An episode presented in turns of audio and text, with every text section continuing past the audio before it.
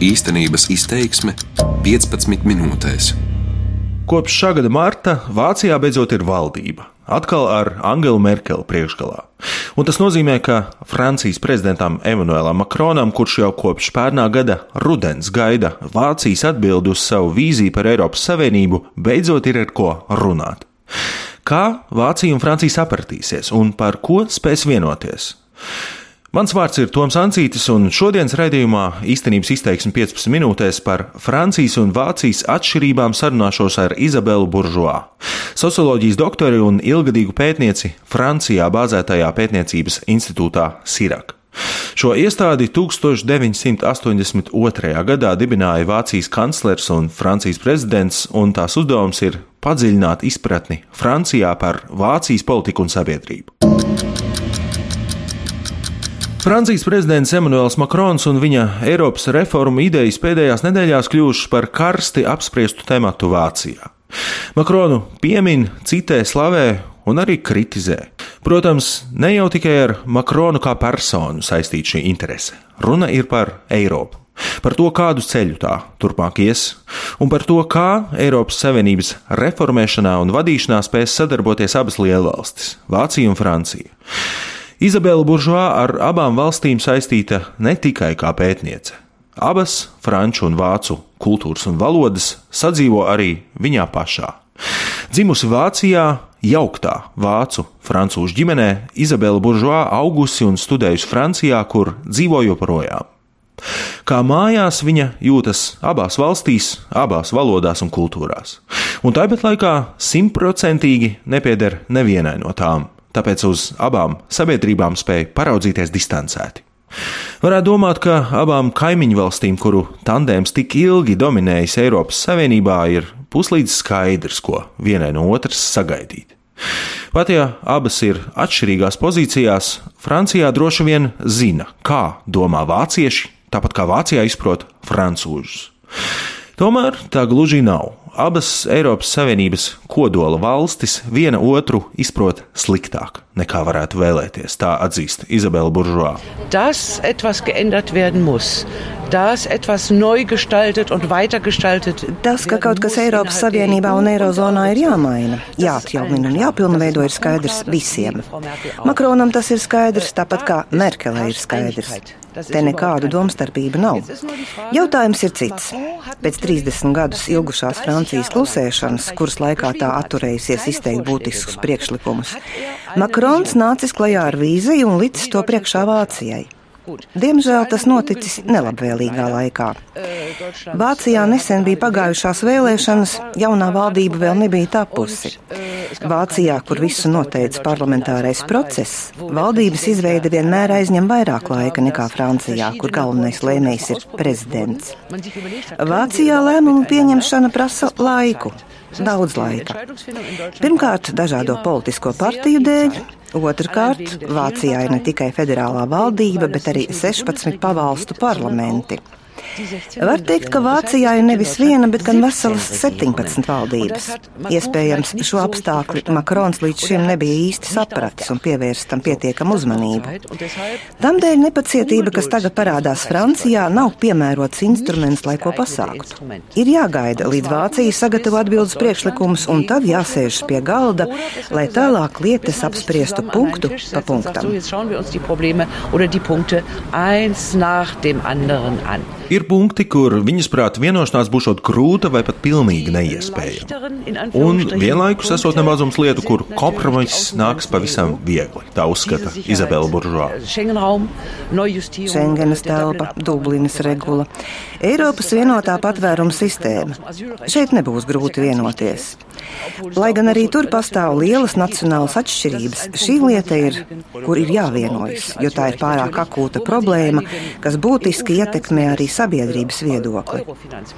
Citādi ir ar Eirozonas, Banku Savienības, Eirozonas finanšu ministra un Eiropas Savienības valūtas savienības tematiem. Abu valstu pozīcija šajos jautājumos ir krasi atšķirīga. Te Vācija un Francija Eiropas Savienībā ir kā uguns un ūdens. Uguns un ūdens tas nozīmē ko vairāk par atsevišķām domstarpībām, kuras var izdiskutēt pie sarunu galda. Tās ir atšķirības, kas sakņojas pretējos uzskatos par to, kā vispār funkcionē valsts un demokrātija, tā saka Izabela Buržoā. Kamēr Vācijā valda federālisms un vara ir izkliedēta pa pavalstīm, Francijā visu regulē centrs. Centrs tā ir Parīze. Uz turieni viss plūst un tiecas, tur koncentrējas politiskā, ekonomiskā un mēdīju vara. Pārējā Francija - perifērija. Tikmēr Vācijai centrālisma modelis ir svešs. Vācijā Berlīna ir vieta, kur gan atrodas galvaspilsēta, tomēr tur nekoncentrējas visa veida vara, resursi un elite. Berlīna nav būtiskāka par, piemēram, Minheni, Hamburgu, Ķelni vai Frankfurti. Un, ja centra nav, nav arī perifērijas tādā nozīmē, kā to saprot Francijā. Tā skaidro Izabela Buržoā. Tās ir divas vēsturiski veidojušās sistēmas, kas ir gluži pretējas viena otrai. Vācija paļaujas uz modeli, kuru dēvē par autoliberālismu, proti uz brīvu konkurenci, brīvu tirgu, kuru ierāmē noteikumi, kas jāievēro. Francijā ir gluži citādi. Francijā tirgu ekonomiku un budžetu regulē valsts. Francijai līdzīga modeli pārnest uz visu Eiropas Savienību, tas, protams, Vācijai nedara jo Vācija baidās, ka tādā gadījumā politiķi kļūs par vienīgajiem lēmējiem par to, kas ekonomikai darāms. Tāpat Vācija bažīs par Eiropas Savienības iespējamo virzību uz pārvedumu savienību, jo no pieredzes zina, kādas ir tās negatīvās sekas. Finanšu federālisms Vācijā taču ilgu laiku darbojās pēc tāda paša principa. Tam ir savas priekšrocības. Ņemsim piemēram Bavāriju. Īsi pēc otrā pasaules kara tā bija agrāra, vāja, ekonomiski mazattīstīta zeme. Pārējās Vācijas pavalstis finansiāli palīdzēja Bavāriju modernizēt, un šodien Bavārija pieder pie lielākajām donorvalstīm savstarpējā finanšu pārdalē Vācijā. Bet ēnas puse - pārvedumu savienības mehānisms federālā sistēmā novada arī pie nonivelēšanās virzienā uz leju. Citiem vārdiem, ja kādam garantē finanšu palīdzību tikmēr, kamēr vien viņš nav finansiāli pārāk spēcīgs, bet sasniedzot augstāku līmeni, viņam jāsāk dot citiem, nav izdevīgi pārāk saspringt.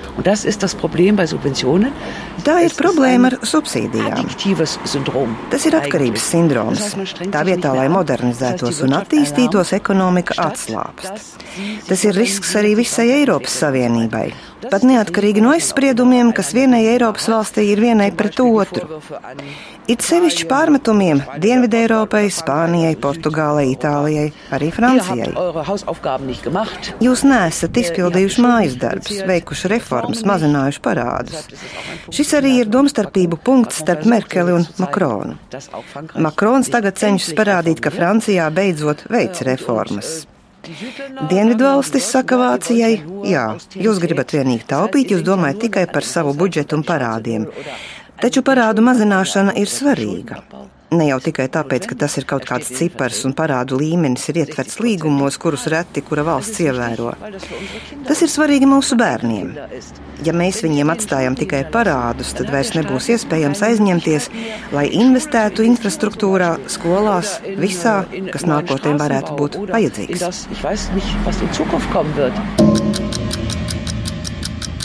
Tāpat kā valsts iekārtas, Vācijā un Francijā atšķiras arī sabiedrisko mēdīju sistēmas. Francijā mēdīju centrs ir Parīze. No turienes ziņas saņem perifērija. Sabiedriskie mēdīji Francijā atrodas valsts rokās. Tikmēr Vācijā pastāv decentralizēts mediju modelis. Tas nozīmē, ka katrai pavalstī vai pavalstu grupai ir savi sabiedriskie mediji. Tie darbojas neatkarīgi viens no otra, bez vienotas vadības. Arī žurnālistiskā brīvība Francijā tādēļ nozīmējot ko citu nekā Vācijā. Tā skaidro Izabela Buržoā. Vācu žurnālistam parasti esot divas identitātes. Viena privātā, kā individam ar visām tā brīvībām, un otra profesionālā, kā žurnālistu cunftas biedram. Francijas žurnālistam tipiski esot tikai viena viņa identitāte kā individam. To pašu viņš lieto arī strādājot redakcijā un par svarīgu uzskata nepakļaušanos savam priekšniekam. Tātad tas, kas valda Francijā, drīzāk ir žurnālistu viedokļu plurālisms, kamēr Vācijā nevis atsevišķu žurnālistu, bet gan mēdīju plurālisms. Un vēl viena īpatnība - ziņu akcenti. Saturiski Francijas ziņas gandrīz vienmēr sākšoties ar nacionālajām ziņām. Tālāk sekos mazliet starptautisku notikumu atspoguļojuma un vien par retam kaut kas par Eiropu. Vācijā Eiropas norises ir pašsaprotama tēma mediju vēstījumos. Tāda pati kā visas. Tāpat kā mediji ziņo par slepkavību uz ielas stūra, autoavāriju, jebko, tā ziņo arī par Eiropu. Tas, kas notiek Briselē, arī pieder pie pasaules norisēm, tāpat kā kaut kas, kas norisinās Vašingtonā. Francijā, atšķirībā no Vācijas, ziņas ir organizētas tā, ka nacionālajām ziņām vienmēr ir priekšroka. Visas ziņas tiek gatavotas Parīzē, un no Parīzes ar tām tiek apraidīta valsts centrālisma princips. Reģionālu televīzijas un radio programmu tikpat kā nav, vismaz ne informatīvu. Šī īpatnība novad pie tā, ka francūži no medijiem par Eiropu uzzina ļoti maz.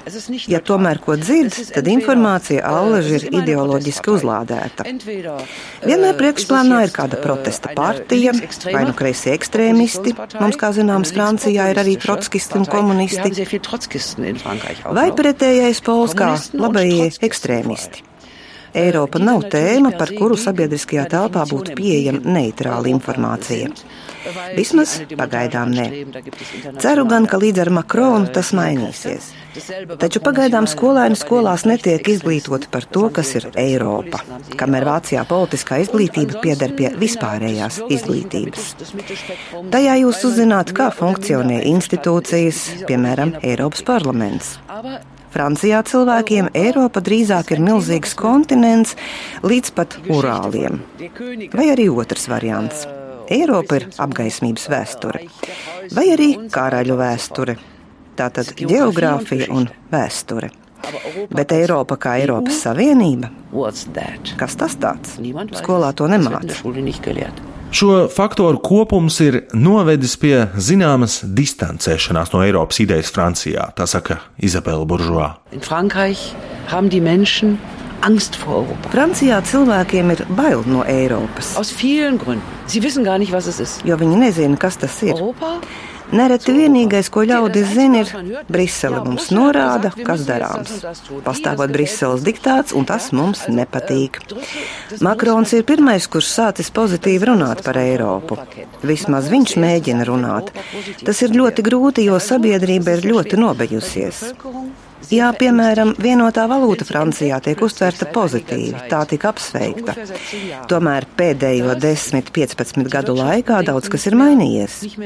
Globalizācija kļūst straujāka. Ekonomikas dalībnieki vairs nedomā nacionāli, bet gan globāli. Ticis likvidēts liels skaits darba vietu.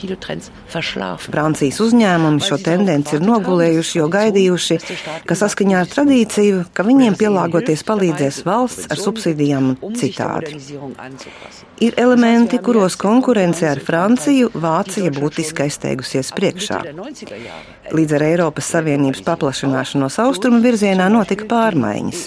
Tirgu ienāca jauni konkurenti, un Vācija bija viena no pirmajām, kurai nācās cīnīties ar šī procesa ēnas pusēm. Taču Vācijas uzņēmumus šī cīņa ir stiprinājusi. Jā, notikušas uzņēmumu apvienošanās, nācies pārstruktūrēties, bet vācu uzņēmēji ir palikuši uz inovāciju un kvalitātes ceļa. Francija šo tendenci ir nogulējusi, un tas rada bailes. Tas rada iespaidu, Eiropa nozīmē mazāk darba vietu, augstāku bezdarbu, un papildus tam Eiropas Savienības diktāti ietekmē. Mums tagad jāreformē arī savas sociālās apdrošināšanas sistēmas. Nu, mums tagad arī pieprasa nevis vairs tikai atbalsta. Taču ko tādā gadījumā, atšķirībā no francūžiem, Eiropa nozīmē vāciešiem? Sacīšu gluži tieši - dzimtene. Ein, ein Vāciešiem Eiropa ir daļa no dzimtenes. Vācieši vispirms savās identitātēs ir bavārieši, sakši un tā tālāk. Otrkārt, vācieši, treškārt, eiropieši. Kāpēc? Tas ir rakstīts satversmē 23. paragrāfā. Piedalīties vienotas Eiropas veidošanā tā ir daļa Vācijas Federālās Republikas pastāvēšanas jēgas. Un tam klāt nāk vēl arī geogrāfija, kas ieiešanos vienotā Eiropā vāciešiem darot krietni vieglāku, tā saka Izabela Buržovā. Vācija ir zeme, kur vienmēr valdījusi mobilitāte, kur vienmēr bijusi darīšana ar kaimiņiem. Tāpēc vāciešiem vieglāk iejusties šādā sistēmā. Federālisms, protams, arī te palīdz, jo cilvēki no ikdienas pieredzes zina, ak jā, Bavārieši funkcionē tā, sakši citādi, Hamburgā domā tā, ķelnē savukārt pavisam atšķirīgi. Eiropā jau tas ir līdzīgi. Tur gan nāk klāt vēl jaunas valodas, bet tās taču var iemācīties.